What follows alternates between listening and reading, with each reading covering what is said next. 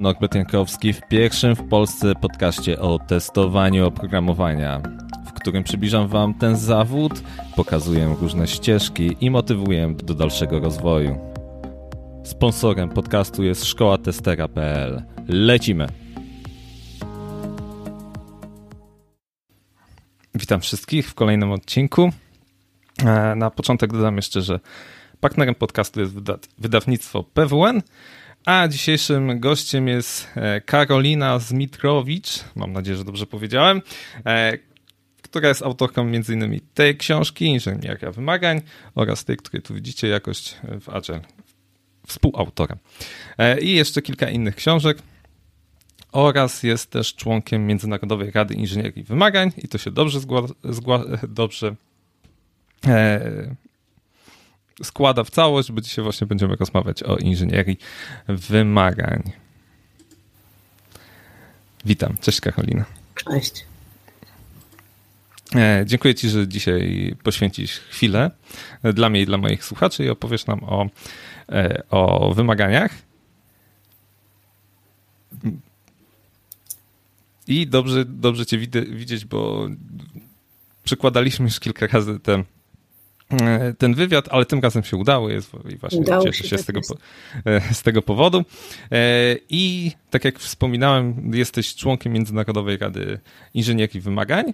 Ale mówmy po, po angielsku, bo to po polsku brzmi tragicznie. AIRA. tak, I, i, i, to się dobrze składa, bo jakiś czas temu do, gdzieś w moje rączki wpadła ta książka Inżynieria Wymagań w praktyce e, i tam sobie Gdzieś to już widziałam, tak. E, I sobie przygotowałem kilka pytań związanych z tym. Natomiast w tej książce e, wspominałaś, to jest właśnie e, jakość Agile, o, posypała mi się tu książki na mnie, e, wspominałaś, w 50% niepowodzenia projektów IT wymaga właśnie ze złych i źle do, źle, złych wymagań. Mhm. Tak, to prawda. Są na to statystyki nawet. Taki dosyć popularny swojego czasu raport chaosu, który tak dosyć ciekawie prezentuje i sumuje, jakby podsumowuje te przyczyny niepowodzeń projektów. I jeżeli byśmy się w ten raport zagłębili, to się okazuje, że wiele głównych przyczyn porażek projektowych są pośrednio albo bezpośrednio związane z wymaganiami. To jest jedna rzecz. I druga rzecz, która jest y, intrygująca, to jest to, że my te problemy powtarzamy z roku na rok, bo raport chaosu był publikowany co, co roku. Także to jest w pewien sposób budujące, tak? że w ogóle się nie uczymy na błędach i powtarzamy non-stop te same, mm, konsekwentnie powtarzamy te, te same błędy. Tak? To jest porażające wręcz. Czyli, czyli generalnie nikt nie wziął do siebie tego, co jest w tej książce. oh my God. Tudzież ewentualnie za mało osób ją jeszcze przerabiało. A, e, to no... mi się wydaje, że trochę rutyna y, bierze tutaj, y, wchodzi w grę, a trochę to, że może i wiemy, co powinniśmy ro robić, ale realia projektowe bardzo często się kłaniają i presja. Tak, tak, presja i tak, i chaos generalnie czasami panuje i, i czasu nie ma. I mm. tak zwane nie chce mi się. Szczyptą nie chce mi się. tak, jak najbardziej. Mm, natomiast, y, natomiast jeżeli byśmy zaczęli od początku, czyli czym w zasadzie jest wymaganie? Mhm. Tak najprościej, y, jeśli byśmy chcieli wyjaśnić, co to jest wymaganie, to jest coś, co jest potrzebne, żeby osiągnąć jakiś cel. Tak? I tym czymś może być dla uproszczenia jakaś funkcja systemowa, tak? czy jakiś, no nie wiem, proces biznesowy. E, to, co jest kluczowe dla wymagań i to, o czym ludzie bardzo często nie pamiętają, to wymagania mają czemuś służyć. Jeżeli niczemu nie służą, to to nie jest wymaganie, tylko to jest chcieństwo. I te dwie rzeczy należy odróżnić. Tak? Wymaganie realizuje konkretny jakiś cel. Okej, okay, i to jest, e, zakładam, że to jest cel biznesowy. Zresztą że to jest co, przepraszam? Cel biznesowy? No jakąś potrzebę generalnie, tak? Może to być cel, jeżeli mówimy o wymaganiach na poziomie biznesu, może to być potrzeba jakiegoś konkretnego interesariusza, tak? Jakiegoś e, użytkownika choćby. Okej. Okay. Hmm. A powiedz mi, skąd one się biorą? Z tak zwanych źródeł wymagań. I jeśli chodzi o te źródła wymagań, takim chyba najbardziej popularnym są właśnie interesariusze.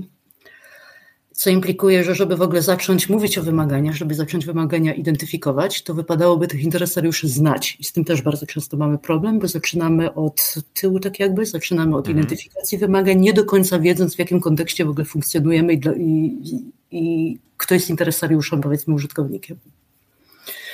To jest jedno źródło wymagań. Inne takie bardzo popularne to są. Y, to jest generalnie kontekst projektowy, tak? Kontekst biznesowy bądź kontekst projektowy na przykład y, konkurencja. Tak, bardzo dużo wymagań możemy czerpać na bazie analizy konkurencji i analizy podobnych produktów. Więc niekoniecznie musimy wymyślać koło od nowa. Tak? Można się w jakiś sposób inspirować istniejącymi rozwiązaniami. Okay. To... Źródła bardzo problematyczne niestety to są standardy, przepisy, regulacje, ustawy. Niewdzięczne, bo jak wiemy doskonale, zwłaszcza w kontekście tutaj polskim, żeby zrozumieć ustawę, to trzeba mieć stado prawników. I to też jest źródło wymagań. Okej, okay, to już rozumiem, jaki może być, być ból, jeżeli to jest źródło wymagań. No wiemy o ustawach pisanych nocą, nie? Na, na, natomiast, y, natomiast y, w zasadzie trochę mnie zdziwiło, jak powiedziałeś, że można to od konkurencji, o czym nie pomyślałem w mhm. zasadzie wcześniej, ale to jest... Ja nie mówię o zgapianiu, nie? bo to, to, mhm. to nie ma żadnej wartości odtwarzania czegoś, co jest, ale wiesz, częścią pracy analityka jest badanie rynku, bo żeby stworzyć coś konkurencyjnego, coś, co bym dostarcza wartość, no ja muszę wiedzieć, co jest na rynku, tak? Muszę wiedzieć, co mają mhm. inni. No i generalnie cel jest taki, żeby dostarczyć coś, coś co jest lepsze, w jaki sposób się wyróżnia. Nie, tak, tak. To jest, nawet ma to sens. Patrząc tak na to w ten sposób. Mm. E, no dobrze, a kto zbiera wymagania w takim razie? O mój ty Boże, ja nienawidzę słowa zbiera wymagania, bo zbiera słowa semantycznie implikuje, że one tak sobie leżą, tak dosłownie jak grzyby, tak i podchodzę i je cyk, cyk, cyk zbieram. Mhm. I się w ogóle nie zbiera. Je trzeba bardzo często z gardła komuś wyciągnąć. Tutaj chyba takim bardziej adekwatnym słowem byłoby pozyskiwanie albo e, Boże, jeszcze jeden taki fajny synonim był, ale wyleciał mi z głowy, może później mi się przypomni. Tak? W każdym razie Powiedzmy, że mówimy o pozyskiwaniu wymagań. I teraz kto to robi? No, teoretycznie może to robić każdy. Tak? E, powiedziałabym, że z, z, definicji, no to analitycy są tymi osobami, które tutaj są odpowiedzialne za tą robotę, ale nic nie stoi na przeszkodzie, żeby to robili inni członkowie zespołu. Jak już wspomniałeś, że analitycy, czy właśnie taki analityk jest jakoś na to przygotowany, żeby jakiś w taki sprytny sposób to zbierać? Bo każdy to wiem, że może, ale czy mhm. oni są przygotowani w jakiś sposób, że lepiej im wychodzi wyciskanie i dochodzenie do źródła problemu niż e, innym osobom? To jest bardzo takie niezręczne pytanie, bo ja nie wiem, czy ty pytasz o to, czy analityk powinien mieć takie kompetencje, czy realnie posiada takie kompetencje. I tu są dwa, dwie różne historie powiedziane. W teorii analityk z definicji ma takie kompetencje. Jak nie ma, to przepraszam, nie jest analitykiem. Okay. Jeżeli mówimy o tym naszym kontekście wymagań. Mhm. Także w praktyce to bywa różnie, natomiast mm, no, w teorii, jeżeli mówimy o analityku, który jest odpowiednio przeszkolony, tak, który ma odpowiednio warsztat, to tak, oczywiście mamy pewne techniki, te, takie różne triki i tak dalej, metody, żeby te wy, wy, wymagania wyodrębnić, wyłuskać z tych dostępnych źródeł. A powiedz mi e, w takim razie, czy są jakieś szkolenia? Bo nawet nie wiem, nie interesowałem się. Czy są szkolenia właśnie, żeby zostać biznes analitykiem, czy jakieś e, jak to wygląda? Kolejny taki dosyć ciekawy temat, tak? bo szkoleń w temacie analizy, w temacie inżynierii wymagań jest masa. Natomiast ja bym była dosyć ostrożna ze stwierdzeniem, że one są po to, żeby zrobić z kogoś analityka. Tak? One dają pewne podstawy, mogą nauczyć pewnych praktyk, technik, tak? ale no bądźmy szczerzy, żeby być analitykiem też trzeba mieć pewne predyspozycje, pewien taki mindset, jakby to powiedzieć. Tak? E, moja osobista opinia jest taka, że no niestety nie każdy ma odpowiednie predyspozycje do tej roli. Chociażby jeden prosty przykład. To jest praca w dużej mierze z ludźmi. Praca z ludźmi oznacza no, całe stado różnych wyzwań. Tak? I teraz, jeżeli ktoś jest osobnikiem no, lekko aspołecznym i do tego no, jadę po bandzie, tak, psychopatycznym, to może warto, żeby pomyślał o innej ścieżce kariery. Okej. Okay. E, powiedziałabym tak, są szkolenia są szkolenia z technik przeróżnych, tak? jak robić warsztaty, jak robić jakieś tam, nie wiem, analizy dokumentacji, generalnie szkolenia z przeglądu różnych technik. Są szkolenia z technik do modelowania różnych rzeczy, tak? rozwiązań procesów biznesowych, ale umiejętności miękkich nauczyć się nie jest tak prosto. Mhm. A to jest podstawa pracy analityka według mnie. Okej. Okay. Czyli takie... tak, także, tak reasumując, są szkolenia, które dają pewien background, dają pewien ten warsztat, Natomiast duża część pracy jest jeszcze jest po stronie tego, nazwijmy to tak malownik, kandydata na analityka. Okej. Okay. A jeszcze tam wspominałaś wcześniej, że są pewne triki do zbierania tych wymagań. Jakbyś jakieś takie przykłady powiedziała? No, dajmy na to przykład taki. Mam, rozmawiam z klientem, załóżmy, tak? Mhm. z klientem na temat wymagań, na temat no, wymagań problemu biznesowego i bardzo często bywa tak, że ten klient nie do końca potrafi określić, o co mu chodzi. Tak? Typu, czuje, gdzie jest problem, tylko nie jest w stanie tego wyartykułować. I nie jest w stanie mi tych wymagań jakoś po prostu opisać. Tak?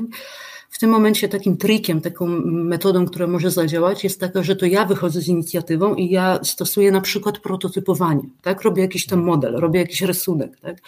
E, czyli zmieniam jakby styl prowadzenia tej rozmowy z werbalnego na coś bardziej opisowego. I teraz tą propozycję konsultuję z klientem i klient jak zobaczy, tak, to bardzo często wtedy jest mu łatwiej się odnieść do tego, czy ja w ogóle idę w dobrym kierunku, czy to jest mniej więcej to, o co mu chodzi, czy w ogóle się rozminęliśmy z rozumowaniem.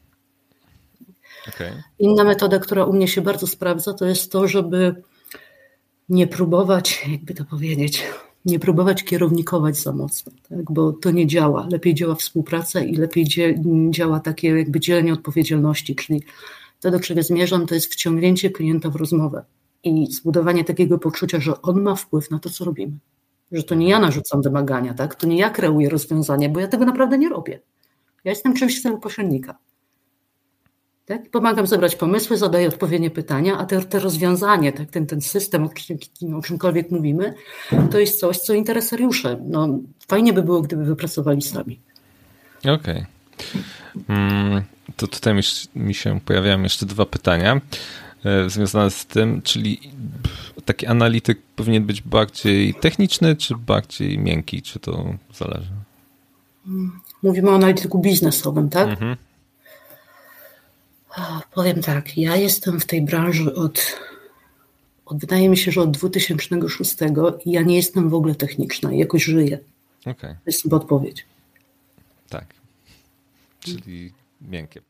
Ja nie przeczę, że fajnie mieć jakiś tam background, jakąś wiedzę techniczną, tak? To pewnie ułatwia, ale z drugiej strony to też ogranicza, bo jeżeli ja mam wiedzę techniczną, to mhm. mogę się, nie wiem jakie tu jest dobre słowo po polsku, mogę się zafiksować na niektóre rozwiązania, tak? Bo mhm. wiem, co można zrobić i wiem jak. jak.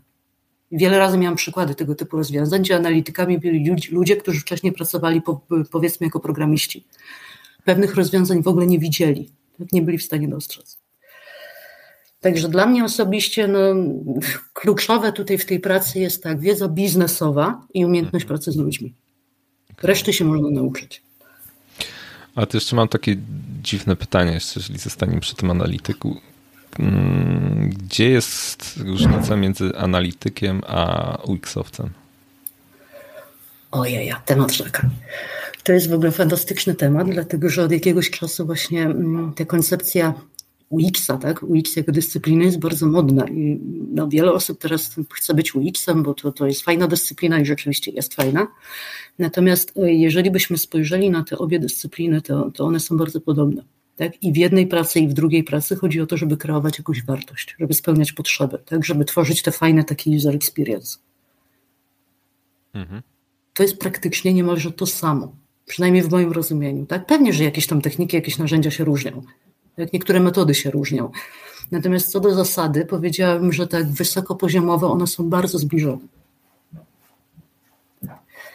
Jakbym miała podać różnicę, to powiedziałabym tak, że analityk biznesowy chyba bardziej się skupia na takiej pracy z tak zwanym biznesem, z organizacją, z procesami, tak, z usprawnieniem biznesu jako takiego, a UX bardziej się skupia na satysfakcji użytkowników, konkretnych ludzi.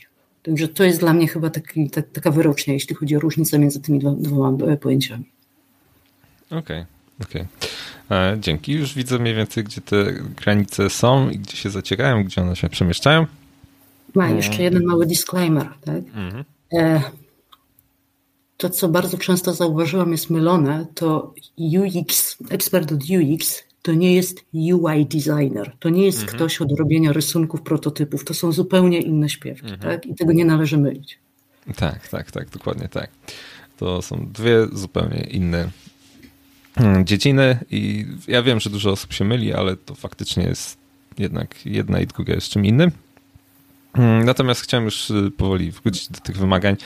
E, już wiemy, kto je zbiera, e, wiemy skąd je ma, ale w zasadzie czemu one są tak ważne, te wymagania? To ja trochę zacznę od inaczej. Tak? Wyobraź sobie, że Twój web, jak to się nazywa, podcast, tak? Cieszy się ogromnym powodzeniem i zaczynasz na, to, i zaczynasz na tym, mówiąc kolokwialnie, zbijać kokosy. I w tym momencie stać się na taką okazałą willę z basenem itp. I wyobraź sobie, że nie definiujesz wymagań. I pracujesz z wykonawcami, jak to się mówi teraz, z budowlańcami, tak? I mówisz im, drodzy Państwo, zróbcie mi dom. Duży, fajny, super. Jaki będzie efekt? No to zależy.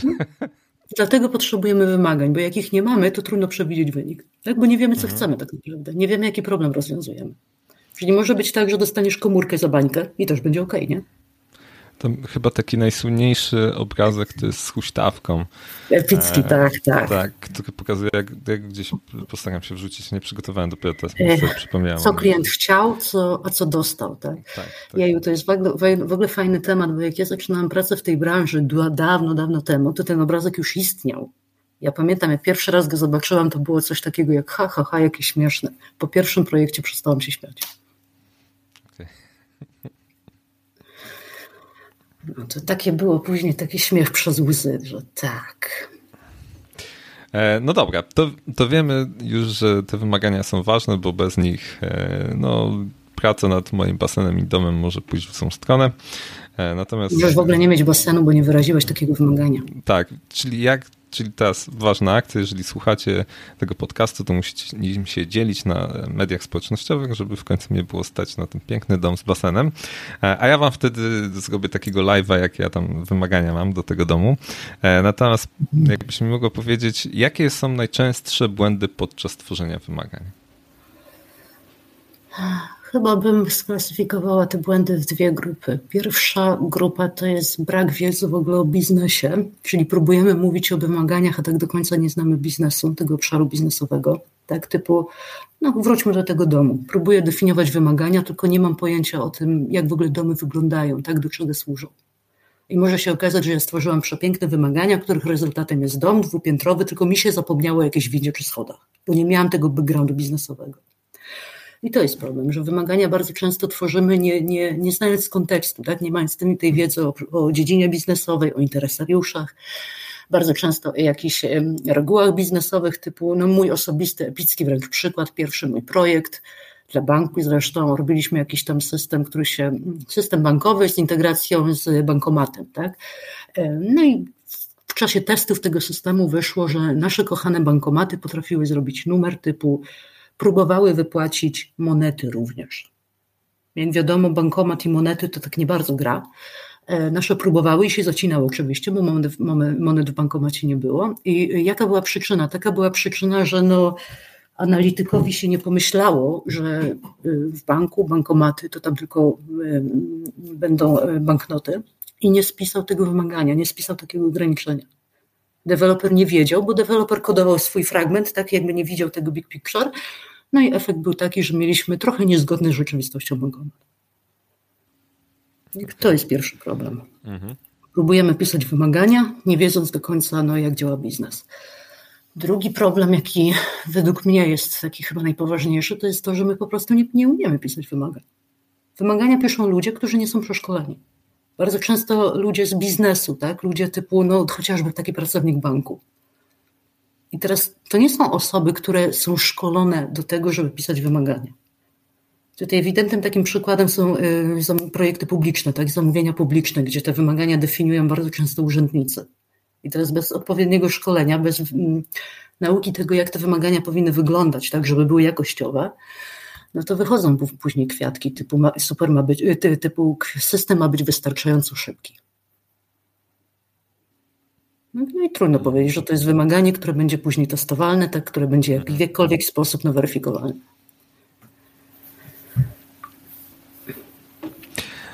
A poczekaj, a w tym kontekście mam tu pytanie, czy zespół deweloperski ma obowiązek też tworzyć wymagania? Tworzyć? W mhm. sensie definiować swoje własne osobiste? E, tak, tak, tak, rozumiem. To jest pytanie. To troszkę zależy od kontekstu, tak? Bo jeżeli mówimy o zespołach tak zwanych agile'owych, to one z definicji no, mają pewną decyzyjność, tak? Więc mogą oczywiście jakoś współtworzyć wymagania, ale ja bym powiedziała tak, no, rolą dedykowaną do tego jest ktoś, kto albo pełni funkcję jakiegoś analityka właśnie, albo ktoś, kto jest właścicielem biznesowym, business owner, albo w Agile'u no ktoś, kto jest product ownerem. Tak? To jest ich odpowiedzialność. Zasadniczo no niemalże każdy w projekcie może jakieś wymagania proponować, sugerować. Tak? Ale taka sytuacja, żeby deweloperzy definiowali wymagania, to bym powiedziała, że jest raczej rzadka. Okay. Tak, mogą, żeby tutaj być bardziej precyzyjną, mogą, mogą oczywiście tworzyć, tak, definiować jakieś wymagania techniczne czy ograniczenia techniczne, to, to jak najbardziej, tak? Ale żeby zespół deweloperski definiował wymagania biznesu, to no, mi się nie zdarzyła taka sytuacja nigdy. Okej. Okay. To jeszcze mam kolejne pytanie. E, jak bardzo szczegółowe mają być opisane wymagania, żeby z jednej strony były dokładne i było wiadomo, jak zaimplementować rozwiązania, a z drugiej strony mhm. nie zanudzić klienta pytaniami o rzeczy oczywiste? Dobra, znowu zależy, tak? bo może być tak, że e, i klient, i dostawca, jeżeli mówimy o takim układzie, mm, ufają sobie, nie robią się no, w bambuko, że tak powiem, tak? I e, Niekoniecznie musimy opisywać wszystko. Część rzeczy możemy traktować jako tak, takiego swojego rodzaju no, wiedzę dostępną, tak, którą nie trzeba mm, e, rozpisywać na, na nowo, na przykład format PESEL-u. Tak? Format mhm. PESEL-u jest zdefiniowany. Więc ja nie będę robić sobie żartów i gdzieś tego specyfikować. Mhm. Chyba, że mamy do czynienia z sytuacją taką, że załóżmy, ty jesteś klientem, ja jestem dostawcą ja jestem dostawcą usług niekoniecznie może uczciwym. Tak? I wtedy każde niedopowiedzenie może działać na Twoją niekorzyść, bo będzie później sytuacja taka, że ej, halot, nie powiedziałeś, jakie wymaganie ma być, do, ma być w związku z PESEL-em. W związku z tym, jeżeli według Ciebie ten PESEL jest zdefiniowany nieprawidłowo, to my to możemy zmienić, ale za to zapłacisz. Tak? Mhm. Więc tutaj mm, powiedziałam tak, tu nie ma uniwersalnej zasady, jak mają być szczegółowe wymagania. To zależy od tego, komu one służą i jaki jest cel. Okay. No Jeżeli ja wymag definiuję wymagania dla biznesu, to one są z natury rzeczy nieco bardziej, nieco bardziej wysokopoziomowe, tak? i one są, powiedziałam, ten język jest biznesowy. Jeśli tworzę coś, czego odbiorcą będzie programista, to to jest, powiedziałam, w większości przypadków o wiele bardziej szczegółowe, bo programista dla programisty to jest wytyczna, jak tworzyć kod. Więc mhm. ogólniki mu nie wystarczą. Mhm. No właśnie tu było doprecyzowanie pytania, czy trzeba pisać, że powierzchnia kafelka basenu ma być wodoodporna. Obrócę kota ogonem. Jeżeli kiedykolwiek robiliście remont, dajmy na to, to wiecie doskonale, że czasami trzeba mówić, że tak, mają być wodoodporne. Jeżeli traficie na wykonawcę, który chce was zrobić w bambuko jest nierzetelny, to trzeba to mówić. I tu jest problem, bo na początku współpracy my nie wiemy, kto jest uczciwy, kto nie. Okay, no tak. Więc ja osobiście, zwłaszcza jak pracuję po stronie klienta, no, wolę tworzyć wymagania w taki sposób, żeby one poniekąd służyły jako kontrakt, żeby później nie było wątpliwości, tak? Przy odbiorze, tak przy użytkowaniu systemu, że albo czegoś istotnie, istotnego nie, nie doprecyzowaliśmy, nie zdefiniowaliśmy i później klient zostaje z problemem typu, no masz ten basen, nie? Tylko pływać się nie da. E, I tutaj jeszcze, jeżeli jesteśmy w wymaganiach, to jaka była największa wtopa w związku ze źle określonymi wymagani, wymaganiami z Pani doświadczenia? Dobra, to przyznam się. Y, jakoś parę lat po tym, jak zaczęłam być analitykiem, ze dwa albo trzy, brałam udział, brałam udział, byłam głównym analitykiem w takim fajnym projekcie dla jednego z ubezpieczycieli. No i definiowałam tam, tworzy, tworzyłam e, rozwiązanie dla, dla jakiegoś tam systemu, dla klientów między innymi. I sytuacja była taka, że ja te wymagania sobie elegancko uzgadniałam z ludźmi z biznesu, tak? Oni byli szczęśliwi, programiści też byli zresztą szczęśliwi, bo te wymagania były bardzo fajnie opisane, jeśli chodzi o szczegółowość. E, wymagania zostały ze strony biznesu zaakceptowane. Development się zaczął i w pewnym momencie przyszedł do mnie architekt i mi powiedział, że tego się nie da zrobić. To było takie małe ups. Zapomniałam o tym, że ten system, który robię, on działa w pewnym środowisku technicznym. Ja tego w ogóle nie uwzględniłam, więc zrobiłam super fajny system biznesowy, którego się nie dało zrobić w tym ekosystemie. Jak to się mówi, kupa bardzo dobrej roboty, nikomu niepotrzebnej.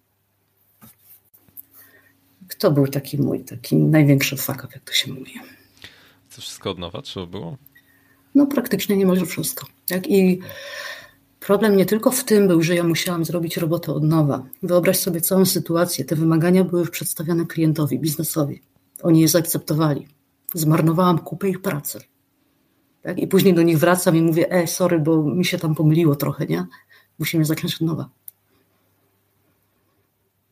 Całe szczęście, że klient był bardzo pokojowo nastawiony, także wybaczył, bo no, konsekwencje były naprawdę grube. I bardzo fajne lessons learned to mnie nauczyło pokory. Tak, żeby pytać, pytać, pytać. Jak czegoś nie wiem, jak mam wątpliwości, pytać. Upewniać się trzy razy, czy ja dobrze rozumiem. E, no dobrze, to teraz może pójdźmy dalej. Jak już mamy te wymagania, to czy są jakieś rodzaje wymagań? W sensie można je jakoś podzielić? To zacytuję jednego z uczestnika moich szkoleń. On co prawda mówił o trochę innym kontekście, ale takim mały żarcik. Są wymagania dobre i złe. A tak zupełnie na serio. E, jest co najmniej kilka klasyfikacji. Tak? Jedna z nich mówi o poziomach szczegółowości właśnie, tak? czyli możemy tutaj mówić o wymaganiach biznesowych, wymaganiach jakichś tam interesariuszy i wymaganiach systemowych.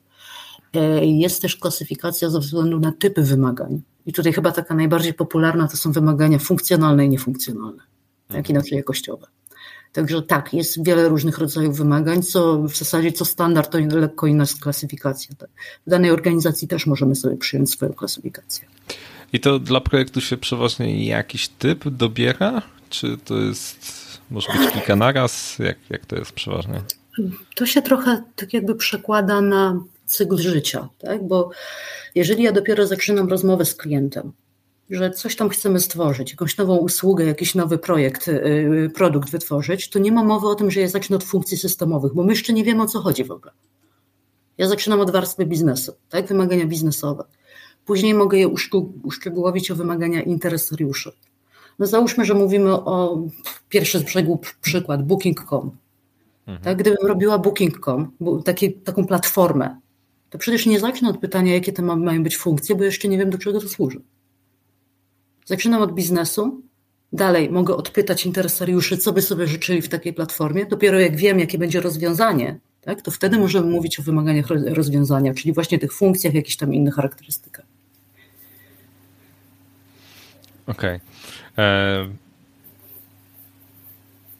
to dalej, czy podczas projektu mogą zmienić się wymagania w trakcie projektu? Może i nie mogą, ale się zmieniają. E, czyli generalnie nie powinny się zmienić, czy jest dopuszczalna ich zmiana? Trochę zależy od podejścia, tak? Bo um, powiedzmy tak, od początku, każdy projekt istnieje w jakimś y, kontekście. Mhm. Realizujemy w danym kontekście biznesowym i technicznym i ma, my na to nie mamy wpływu. Nie mamy wpływu na to, że przepis się zmieni. Nie mamy wpływu na to, że się konkurencja pojawi. Tak? Więc ten, ten kontekst może się zmieniać cały czas praktycznie. Teraz, ja, jeżeli ja będę stała przy tym, że ok, kontekst się zmienił, biznes się zmienił, ale moje wymagania były zaakceptowane, więc one, że tak powiem, do końca życia będą ważne, no to może się okazać tak, że to, co ja robię, ten system, ten produkt, on po prostu z natury rzeczy, już podczas developmentu, on jest nieaktualny, on nie ma racji bytu. Tak? Więc byłoby lekko niemądrze się upierać przy tej stabilności wymagań. Z drugiej strony są systemy, które są obarczone bardzo dużym ryzykiem. One się w ogóle mają taką fajną nazwę safety critical. I przy tych systemach my najczęściej stosujemy taką zasadę, że wymagania od pewnego momentu są zamrożone, ich się nie zmienia. Dlatego, że zmiana by była zbyt kosztowna i zbyt ryzykowna, bo moglibyśmy zdestabilizować system. Tak? Więc tutaj są co najmniej dwa podejścia do tematu. Okej, okay. tutaj mamy kolejne pytanie. Mm, co robić, jeśli wymagania są zbierane mm, od różnych osób i wzajemnie się wykluczają. Księgowość chce, chce coś e, wykluczyć, a z wymagań, a dział sprzedaży chce się, upiera się, żeby one zostały? Dobra, pierwsza rzecz, od której bym zaczęła, to zrozumieć, y, jaka jest tak jakby ważność tych interesariuszy. Mówimy tu o interesariuszu typu księgowość i sprzedaż. Może być tak, że w danym kontekście y, projektowym ta sprzedaż to jest interesariusz, który ma niewielki power, tak zwany, niewielką decyzyjność. Mhm. I to nam w sumie rozwiązuje sprawę. W tym momencie księgowość wygrywa. Tak? Jeśli jest inaczej, jeśli jest tak, że e, ci interesariusze mają, że tak powiem, równy po, po, poziom w hierarchii, tak? równą decyzyjność, no to tu się kłania nasza rola właśnie. Nasza rola jest do tego, żeby zebrać informacje, tak? wyłuskać właśnie takie konflikty wymagań i pomóc ludziom dojść do porozumienia. Co mogę zrobić? Mogę zrobić jakieś warsztaty, tak? gdzie przegadam z nimi, ok, skąd w ogóle ta różnica zdań, jakie mają potrzeby. Można stworzyć jakieś alternatywy rozwiązania, tak? opcje, jak my możemy ten problem obejść. W sytuacji ekstremalnej, absolutnie, tak? jeżeli nie da rady dojść do porozumienia, to jest jeszcze metoda taka średnio poprawna politycznie, aczkolwiek niezwykle skuteczna. Idziemy po interesariusza, który ma jeszcze wyższy power, decyzyjność i prosimy o wsparcie w tym momencie. Tak? I bardzo często ta osoba podejmuje decyzję i pff, temat zamknięty. To jest rozwiązanie niedemokratyczne, ekstremalne. Tak? Bardziej takie pokojowe i bardziej efektywne, jak dla mnie przynajmniej, to jest właśnie no siadamy i rozmawiamy. Skąd jest problem? Z czego wynika różnica zdań? Bo może wynikać po prostu z niezrozumienia, tak, albo braku informacji i wypracowujemy jakieś rozwiązanie, które będzie no przynajmniej akceptowalne dla obu stron. Mhm. A to, to, tu, jak o tym wspominałeś, pojawiło mi się kolejne pytanie. E, ile czasu zajmuje zebranie wymagań? Ja wiem, że to zależy od, też od wielkości projektu, ale powiedzmy w takim średnim projekcie. To bardziej zależy od znaczy? zespołu. Od wielu rzeczy to zależy. Od tego, jaki to jest system, tak? od tego, e, jaki jest klient jakie ma potrzeby, czy w ogóle ma, ma wizję tego, co chcemy stworzyć. Jak nie, to ja nie mogę Ci powiedzieć, ile czasu trwa zbieranie wymagań, bo ja zbieram, definiuję te wymagania, cały projekt. Temu właśnie między innymi Agile służy. Tak? Tutaj nie ma odpowiedzi. Zależy autentycznie od kontekstu. Okej, okay, to tutaj pojawiło się w międzyczasie mm, pytanie właśnie o Agile. Mm, czy biznes analityk powinien uczestniczyć w codziennych spotkaniach zespołu skramowego? A jak nie, to jak często w praktyce powinien być na spotkaniach? Zaczęłabym od tego, co ten analityk biznesowy w tym zespole skramowym robi. Wspiera product ownera, czy jest product ownerem? Bo od tego zależy odpowiedź. Jeżeli z częścią zespołu wspiera product ownera, tak, dodefiniowuje wymagania, tworzy kryteria akceptacji, no to no, może być częścią tych spotkań codziennych, ale powiedziałabym, że nie, nie, nie codziennie, bo to bardzo często nie ma żadnego sensu. Wtedy, kiedy jest potrzeba, no słuchajcie, no, na tym właśnie polega Agile, że my się komunikujemy bezpośrednio. Jak jest potrzeba, to ktoś mi powie, że ej, mamy problem, tak, bądź dzisiaj na daily, albo bądź na jakimś tam innym spotkaniu, albo no zresztą tak technicznie rzecz biorąc, daily nie jest od tego, żeby omawiać tematy związane z wymaganiami. Daily jest od tego, żeby komunikować status. Tak, jeżeli jest coś niejasne, to przecież nic nie stoi na przeszkodzie, żeby później do mnie zadzwonić i mówić się, napisać, że hej, potrzebuję 5 minut konsultacji czy coś w ten deseń. Więc powiedziałabym tak najogólnie, no może uczestniczyć w tych codziennych spotkaniach, żeby być na bieżąco mniej więcej, tak żeby reagować, jeżeli są jakieś tam problemy, jeżeli coś wymaga y, wyjaśnienia, ale żeby to było takim obowiązkiem, to chyba bym była daleko od tego. Okej. Okay. E, a jest jakaś duża, duża różnica, jeżeli mamy podejście waterfall, a właśnie agile, a Angola analityka właśnie? Formalność. Tak? W podejściach tradycyjnych bardzo często dokumentacja, no, dokumentacja musi w pewien sposób łagodzić ryzyko. Tak? Czemu? Bo od momentu tworzenia, nazwijmy to tak, tworzenia wymagań do momentu wypuszczenia produktu, tam bardzo często mijają miesiące, jak i lata. I teraz dokumentacja służy jako swego rodzaju kontrakt, tak jako taki, nie wiem, projekt domu i musi być na tyle dokładna, żeby podczas developmentu nie było problemów i żeby produkt końcowy był zgodny z tym oczekiwaniem. Więc jakbym miała porównać podejścia wodospadowe do Agile'a, to dla mnie zasadnicza różnica jest taka, że w podejściach wodospadowych ja na początku definiuję wszystko, opisuję wszystko, tak żeby łagodzić ryzyko. Co jeszcze jest taką różnicą? No ja osobiście to tak trochę wyrosłam na gruncie tych metod waterfallowych i dalej gdzieś tam z tyłu głowy mam taką biurokrację, takie podejście mhm. biurokratyczne, więc ja lubię taki porządek, tak, że mamy pewne rzeczy ustalone, mamy pewne procedury, których się trzymamy i, i, i tego rodzaju sprawy. Tak. W Agile'u to wygląda lekko inaczej, no bo z definicji Agile jest odporny, tak, odporny w sensie podatny na zmiany. Jeżeli coś wymaga zmiany, no to nie ma problemu, to to inspect and adapt, tak, adaptujemy do potrzeb. To, co dla mnie było takim szokiem kulturowym trochę, jak, jak w pierwszym projekcie Agile'owym uczestniczyłam, to jest oduczenie się pisania wszystkiego na zaś tak zwane. Tak, to było niesamowite, że musiałam się przełączyć, że w Agile'u ja nie muszę opisywać wszystkiego w wersji jak dla osób, które totalnie nie rozumieją tematu. Także trzeba trochę zaufać tym deweloperom, że oni też myślą tak, i są w stanie, jeśli czegoś nie rozumieją, zadać pytanie. No dobrze, to już mamy, mm, mieliśmy wymagania w kontekście biznesowym, trochę deweloperskim, a teraz jakbyśmy trochę powiedzieli w kontekście jakości. Dlaczego? Wymagań czy ogólnie? E, wymagań. Dlaczego no leży, leży. E, jest problem z jakością wymagań. Dlaczego to jest takie ważne i gdzie tu jest problem? Czemu to jest ważne? No to znowu wrócę do tego przykładu domu. Tak? I wyobraź sobie, że definiujesz wymaganie. Chcę mieć jakiś, jakąś przestrzeń do pływania. I ja lubię pływać dużo. Tak? Średnio mierzalne jest to wymaganie.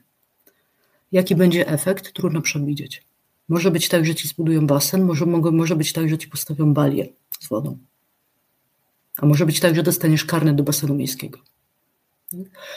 I tak dokładnie działają wymagania. Jeżeli one są średnio jakościowe, to może być później problem z ich interpretacją, z implementacją i z odbiorem, bo na końcu może się okazać, że klient oczekiwał czegoś kompletnie innego, a myśmy się jakby minęli w rozumieniu. I tutaj dużą grę odgrywa właśnie sama jakby teoria komunikacji. Tak? Jak my się komunikujemy, to używamy pewnych symboli, albo werbalnych, albo po prostu języka. To jest, to jest symbol. Symbol ma to do siebie, że może być interpretowany w różny sposób. Więc jeżeli ja nie zadbam o to, że ten komunikat mój jest odpowiedniej jakości, to może się okazać, że my mówimy o zupełnie innych tematach. Tym samym językiem. Tak? I to jest dokładnie ten, ten, ten, ten, te drzewko, tak? ten obrazek, o którym wspominałeś. To jest konsekwencja złej jakości jakości wymagań mówiłam. Dobrze, y, o jakości wymagań mówiłam i mówiłam o domu i mówiłam o obrazku. Dobra, wracam do wątku, moi drodzy. Norbert, ty pochodzisz z gruntu test, obszaru testowania, zgadza się? Testujesz. Tak. Okay. I powiedz mi tak, czy ty testujesz może na podstawie wymagań? No, to zależy. To zależy. Ok, załóżmy, że masz wymagania, dobra? Załóżmy taką tak. idealną sytuację, że wymagania są. I teraz tak. Yy, jeżeli mamy wymagania, które są średniej jakości, to jak możesz być pewien, że ty ten system dobrze testujesz? Nie możesz, prawda? Mhm. Tak samo deweloper. Jeśli są wymagania średniej jakości, to albo zaimplementuje według własnego uznania, albo, albo przyjdzie mnie dopyta, czy nie mam podwójną robotę, Albo będzie tak, że zaimplementuje coś, co niekoniecznie jest kompletne, niekoniecznie może być zgodne y, z rzeczywistością, niekoniecznie może być zgodne z oczekiwaniami klienta. Tak? Wymagania to jest kontrakt, to jest coś, co ma być jakby obecne w systemie. Teraz, jeżeli on te wymagania nie są dobre jakościowo, tak? jeżeli nie są precyzyjne, mierzalne, to może być tak, że no dostarczymy jakiś tam system, czy tam produkt ogólnie, ale niekoniecznie to może być coś, co, co usatysfakcjonuje odbiorcę. Problem taki, chyba przykład, który chyba każdy z nas kiedyś tam widział. No tutaj takim niechlubnym przykładem są systemy administracji publicznej, tak, które no one generalnie działają. Nie możemy powiedzieć, że nie działają, tak? Mhm. tylko działają czasami tak wolno, że się odechciewa. I to jest przykład prawdopodobnie tego, że no, ktoś mógł nie przewidzieć wymagań jakościowych, mógł nie przewidzieć wymagań em, związanych z wydajnością. Tak? System działa, ale pod większym obciążeniem po prostu się wjeżdża. I taki może być skutek braku jakości wymagań. Co można zrobić w takiej sytuacji, jeżeli są wymagania, ale nie są najlepsze, co taki zespół testowy może z tym zrobić, żeby poprawić no najprostsze rozwiązanie, jeżeli macie analityka, tak, no ktoś te wymagania stworzył, z reguły z choinki nie spadają, to normalnie się komunikuje błędy w tych wymaganiach. Mhm. Tak, zawsze można zgłosić problem właścicielowi, tak, autorowi. E, ja bym powiedziała tak, że no, w ogóle jeżeli e, zespół testowy znajduje błędy w wymaganiach, nie dajcie Boże na etapie testów, to już w ogóle jest trochę nie bardzo, dlatego że to jest stosunkowo późno w projekcie. Mhm. Ja osobiście no, jestem za tym, żeby wprowadzać w projektach taką cykliczną kontrolę jakości, czyli tworzę jakieś tam wymaganie, czy to Agile, czy nie Agile, nie ma żadnego znaczenia. Tworzę jakąś tam wersję draftową, jak to się mówi po polsku, szkic wymagania. Tak? I co robię z tym? No poddaję do przeglądu. Czyli dostajecie to wy testerzy, dostają to y, ludzie z implementacji, dostaje to jakiś architekt, dostaje to ktoś z biznesu, tak, i daje mi feedback. Czy to jest ok, czy nie ok, czy czegoś brakuje, czy jest jakiś błąd ewidentny, czy jest może inny pomysł na rozwiązanie tego problemu, tak? Bardzo często deweloperzy dają taki kapitalny feedback, że to, co ja zaprojektowałam, tak, to, ta moja propozycja rozwiązania jest ok, ale oni mają lepsze, lepszą propozycję, bo oni znają technologię i wiedzą, co się da i jak zrobić. Tak? Więc dla mnie takim podstawowym rozwiązaniem tutaj są po prostu przeglądy, gdzie oficjalnie możesz dać mi feedback.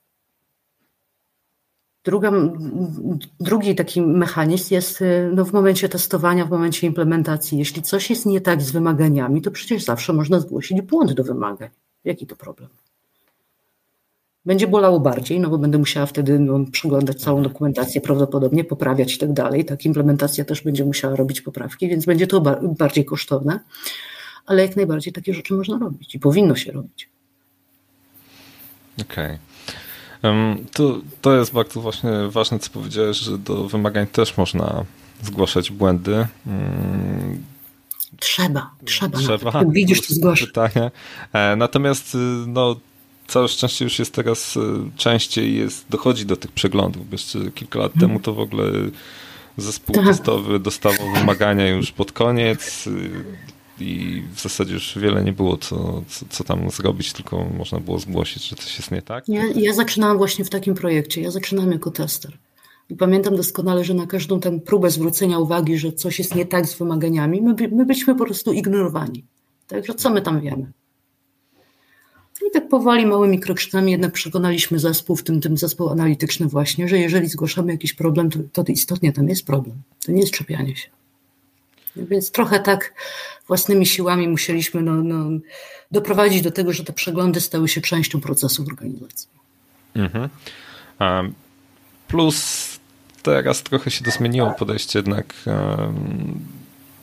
generalnie stara się wprowadzić testerów choćby do samych przeglądów wcześniej niż mhm. później, żeby właśnie mogli przyjrzeć się do, do dokumentacji samej, też wymaganiom, e, żeby ewentualnie jakieś tam nieścisłości jakby w procesie tworzenia tam to pokazać, że coś jest dla nich niezrozumiałe albo coś trzeba doprecyzować, bo będzie później problem, a lepiej teraz się tym zająć e, mhm. niż e, hmm, no niż później wiadomo, im później tym gorzej. No dobrze, to jeszcze chciałem się ciebie zapytać, mm, czy testerzy to dobry materiał na analityków? Ja wiem, że testerzy często... To trochę takie, wiesz, prywatne pytanie, bo ja zaczynam jako tester. Ja osobiście bardzo no subiektywnie no uważam, że to jest kapitalny materiał na analityków.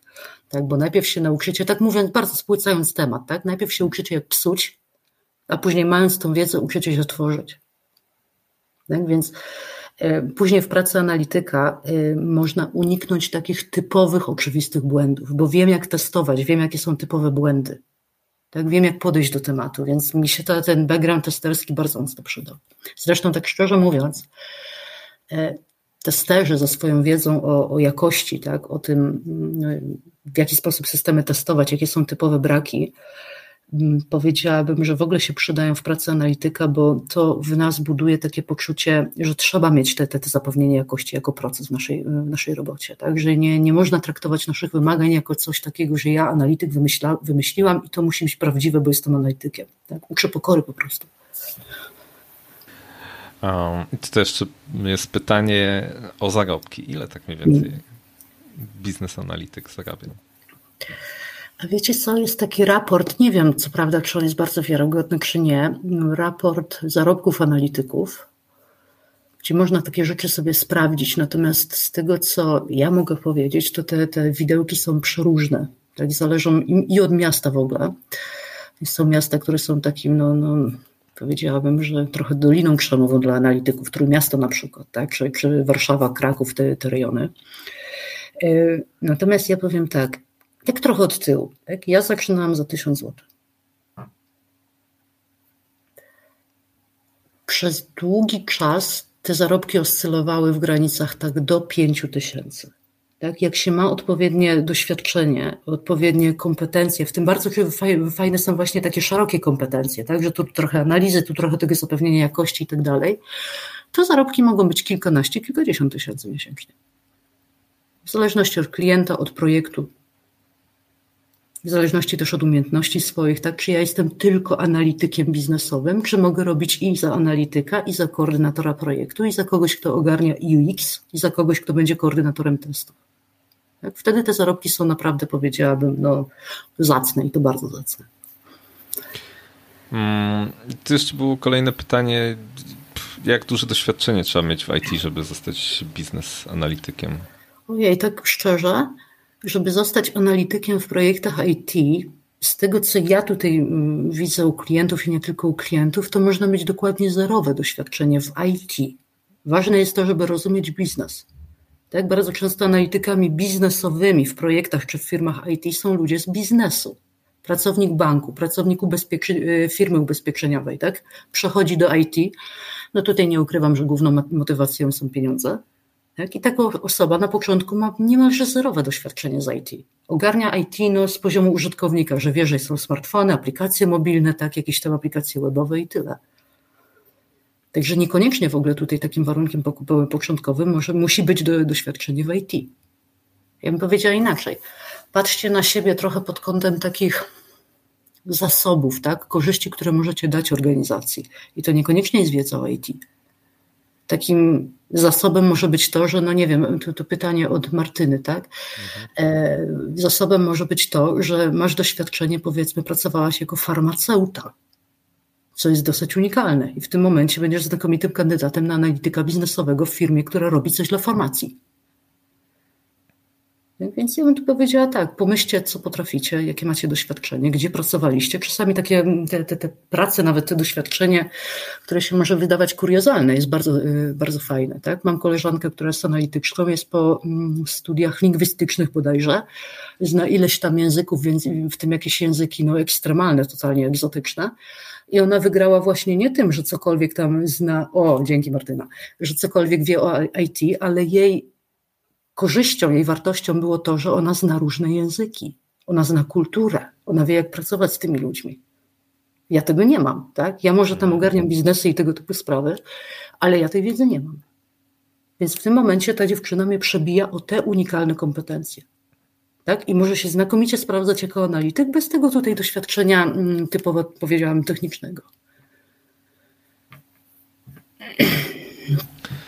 Okej, okay, tu mam kilka osób, które właśnie z branży farmaceutycznej przebranżowiły się. Tu trafiłam, tak. Jest kilka firm, które się zajmują tutaj oprogramowaniem systemami dla farmacji, nazwę to w, w taki sposób. No i te, te, firmy, z tego co ja wiem, one chętnie rozważają takich kandydatów, bo na serio zupełnie, tak? UML-a, technik analitycznych można się nauczyć, ale nauczyć się w jakimś takim rozsądnym czasie, no, no chemii, tak? Czyli przy tego typu wiedzy, to nie jest tak prosto. A jeszcze chciałem tak wrócić do tych wymagań, bo coś mi się tam przypomniało. Wcześniej nie zapisałem, ale teraz mi przyszło do głowy. E, jeżeli chodzi jeszcze o te wymagania i spisywanie ich, e, czy jest jakiś mm, sposób, schemat do ich spisywania, który... Dokumentacja wymagań, tak? Mhm. No jest kilka różnych szablonów. No jeżeli ktoś pracuje w Agile, to takim typowym szablonikiem do przechwytywania wymagań jest user story. Jako user chce coś tam, żeby coś tam. Natomiast no, to jest fajna, jakby to powiedzieć, to jest swego rodzaju taka zaczepka. Dla mnie to jest placeholder, żeby nie zapomnieć o wymaganiu. Same w sobie to nie jest specyfikacja wymagań. To by była specyfikacja wymagań, jeżeli byśmy uzupełnili ten opis przez jakieś tam rozsądne kryteria akceptacji i taką specyfikację ala powiedzmy implementacyjną. Tak? Wtedy to tworzy specyfikację. Szablony dla tworzenia kryteriów akceptacji czy scenariuszy akceptacji no można znaleźć. Tak? Chociażby taka, no, polecam swego rodzaju notację, nie wiem jak to powiedzieć tak akademicko, notację, system Gherkin, bardzo fajnie się sprawdzający w Agile'u. Tak? I to w pewien sposób porządkuje. To, co ja osobiście lubię, jak specyfikuję takie systemy dla użytkowników końcowych, w sensie systemy, które mają ten frontend dla klienta. U mnie osobiście kapitalnie działają UML-owe przypadki użycia, diagramy i specyfikacja. Tak, to jest coś, co z jednej strony mi zapewnia, że ten opis będzie na tyle dokładny, że programista wie, co ma zrobić, tak, tester wie, co przetestować, a z drugiej strony to jest sposób opisu, który po krótkim przeszkoleniu kapitalnie rozumieją ludzie z biznesu, a nawet użytkownicy. Więc powiedziałabym dwa za jednym zamachem. Okej. Okay. Mm, no. W zasadzie nie mamy tutaj, żeby pokazać opcji, natomiast może gdzieś e, w notatkach wrzucę przykład, jak to wygląda. Kirkin? E, tak, tak. Znaczy w sensie później Mm, porzucam jakieś, mm, jak to mniej więcej ma wyglądać. Jakieś przykłady, e, żeby później można było sobie to popatrzeć już po audycji, bo teraz mhm. nawet nie mam tak fizycznie, żeby mhm. to pokazać. Jakby ktoś był zainteresowany, to też jeśli chodzi o takie standardy swego rodzaju przykłady opisu wymagań, e, to można sobie popatrzeć też w nie sylabus, w podręcznik IREP do poziomu podstawowego. To jest dostępne za e, za darmo na stronie IREP, podręcznik handbook do poziomu podstawowego certyfikacji i tam jest co, najmniej kilka różnych szablonów, opisów wymagań wziętych ze standardów. Tak? I przynajmniej tak jednym okiem można sobie popatrzeć, jak inni to robią. Okej. Okay. Dobra, to też do tego wrzucę link, żeby można było sobie pobrać e, w opisie do tego. No to jeszcze mam takie pytanie od e, Martyny, czy to przypadek, że dużo osób e, z testingu ma wykształcenie lingwistyczne? Dobre pytanie. Nie wiem, mi się wydaje, że troszeczkę tutaj chyba mają względy takie jakby to powiedzieć, praktyczne, tak? Bo wydaje mi się, z tego co ja rozmawiałam ze, ze znajomymi, to dla dużej części ludzi motywacją do przejścia do IT i do testowania były względy czysto finansowe. Tak? Nie mam pojęcia, ile płaci się ludziom z wykształceniem lingwistycznym. Wydaje mi się, że no tak średnio, chyba że jest się wybitnym, tak, albo pracuje w jakiejś tam firmie o odpowiednim poziomie. Więc wydaje mi się, że to może być pewien, pewną taką wytyczną. Tak? Bo tutaj jakichś takich predyspozycji, czy nie wiem, specyficznych cech, które, które mają ludzie po z wykształceniem lingwistycznym i to ich jakby kieru, ukierunkowuje do pracy w testowaniu, to tutaj bym powiedziała, że nie zauważyłam tego. Mhm. Więc nie wiem, może zbieg okoliczności, a może po, po prostu takie względy no, no czysto praktyczne. Mhm, rozumiem. E, dobra, tu jeszcze jedno, jedno ciekawe pytanie. Czy planujesz jakąś książkę nową? Oj, ja myślałam o paru co najmniej, tylko ja jestem z natury dosyć leniwa i potrzebuję motywacji. E, I tak sobie właśnie szukam ochotnika do tego, żeby mi pomógł, bo bardzo fajnie mi się pracuje nad książkami z kimś. Jak pewnie zresztą zauważyłeś. Tak? Lubię sobie po prostu teamwork, mimo tego, że jestem raczej takim introwertykiem. Jeśli chodzi o pisanie tego typu rzeczy, lubię to robić z kimś, bo ten, obecność tego ktoś mnie po prostu motywuje. Rozumiem. Mhm. A tak a propos, ja wspomniałam, że jestem leniwa i akurat jeśli chodzi o pracę analityka, to uważam, że to jest swego rodzaju cecha dodatnia, dlatego że bycie leniwym powoduje, że ja dążę najkrótszą ścieżką do, do, do osiągnięcia jakiegoś celu. To się też przekłada w sposobie pracy. Tak, ja nie lubię pisać rzeczy wiele razy. Ja nie lubię duplikować informacji, więc sobie wymyśliłam taki sposób pracy, że tą informację zawieram w jednym miejscu i po prostu do niej tworzę e, odnośniki. Tak? To jest jeden przykład właśnie tego, tego mechanizmu, który wynika z mojego lenistwa wrodzonego. Dobrze, to już właśnie mm, kolejne pytanie jest. Kiedy nasza wspólna książka? To... No, no, właśnie, Norbert, coś tam mówiłeś, willo z basenem i tak dalej, nie? Tak, to zaraz po, no, no. Tym, po, po audycji o tym porozmawiamy. E, dobrze, ja nie widzę więcej e, pytań, sam też swoją listę wy, wyczerpałem dzisiaj. E, bardzo Ci dziękuję, że tak, tutaj jest, ktoś napisał, że popiera lenistwo. E, tak, czemu nie?